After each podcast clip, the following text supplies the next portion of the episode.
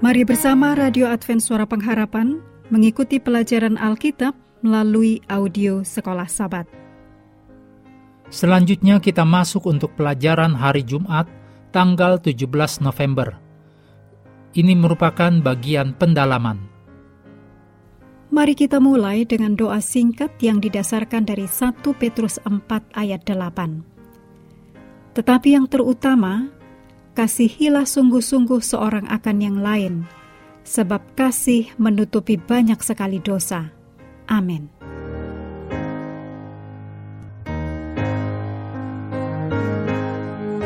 Bacalah Ellen G. White dengan judul Orang Samaria yang Murah Hati, halaman 114 sampai 121 dalam buku Alfa dan Omega jilid 6.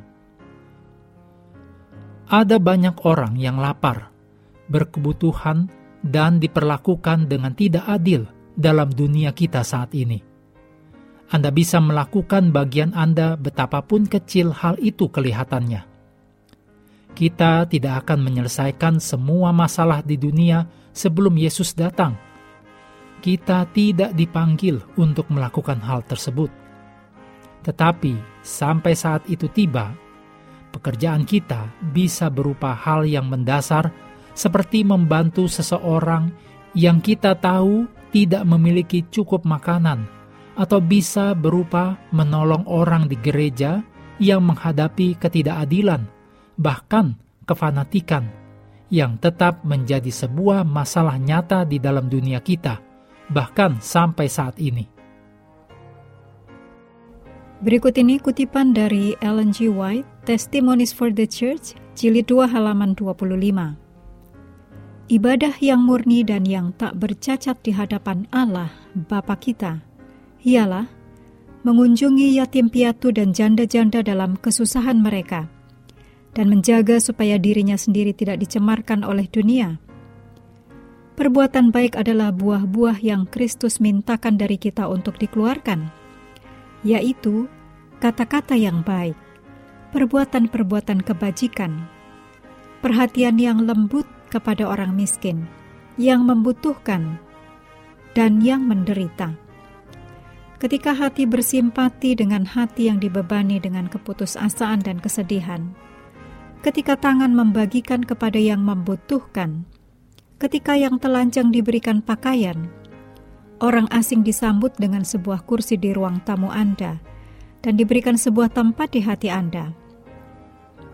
Malaikat datang sangat dekat dan sebuah lagu pujian balasan akan terdengar di surga. Setiap tindakan keadilan, kemurahan, dan kebajikan akan menghasilkan melodi di surga. Bapa dari tahtanya memandang mereka yang melakukan tindakan-tindakan kemurahan dan menghitung mereka sebagai miliknya yang paling berharga. Dan mereka akan menjadi milikku, firman Tuhan semesta alam pada hari aku menghitung permata-permataku. Setiap tindakan kemurahan kepada yang membutuhkan, yang menderita, dianggap sebagai tindakan yang dilakukan kepada Yesus sendiri.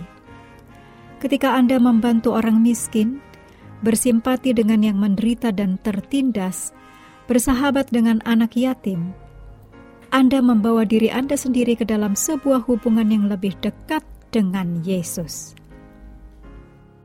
Berikut adalah hal-hal untuk diskusi. Bagaimanakah kita memastikan kalau kita sudah mengerti bahwa perintah untuk mengasihi Allah dan sesama itu bukanlah keselamatan oleh perbuatan? Ketika kita memandang siapa Yesus itu dan apa yang telah Dia lakukan untuk kita disalib, seperti yang ditulis dalam Filipi 2 ayat 5 sampai 8 maka pemikiran bahwa apa pun yang bisa kita lakukan untuk mendapatkan atau berhak atas keselamatan adalah merupakan satu kesalahan besar. Diskusikan bagaimana kita belajar untuk membedakan antara berusaha untuk mendapatkan keselamatan, yang tentunya hal ini merupakan sebuah kesalahan yang fatal, dengan menyatakan dalam hidup kita keselamatan yang telah kita miliki dalam Yesus. Yang kedua, diskusikan bagaimana kita belajar untuk mengenali beberapa warisan prasangka yang mungkin kita miliki terhadap mereka yang berbeda dengan kita. Yang ketiga, selain dari ayat-ayat yang sudah kita pelajari pekan ini, diskusikan ayat-ayat kitab suci lainnya yang mendukung yang berhubungan dengan perlunya menunjukkan kebaikan kepada orang lain, siapa pun mereka. Mengakhiri pelajaran hari ini, mari kembali ke ayat hafalan Lukas 10 ayat 27. Jawab orang itu, Kasihilah Tuhan Allahmu dengan segenap hatimu, dan dengan segenap jiwamu, dan dengan segenap kekuatanmu, dan dengan segenap akal budimu, dan kasihilah sesamamu manusia seperti dirimu sendiri. Kami terus mendorong Anda mengambil waktu bersekutu dengan Tuhan setiap hari, baik melalui renungan harian, pelajaran sekolah sahabat, juga bacaan Alkitab sedunia, percayalah kepada nabi-nabinya, yang untuk hari ini melanjutkan dari Kidung Agung 2. Tuhan memberkati kita semua.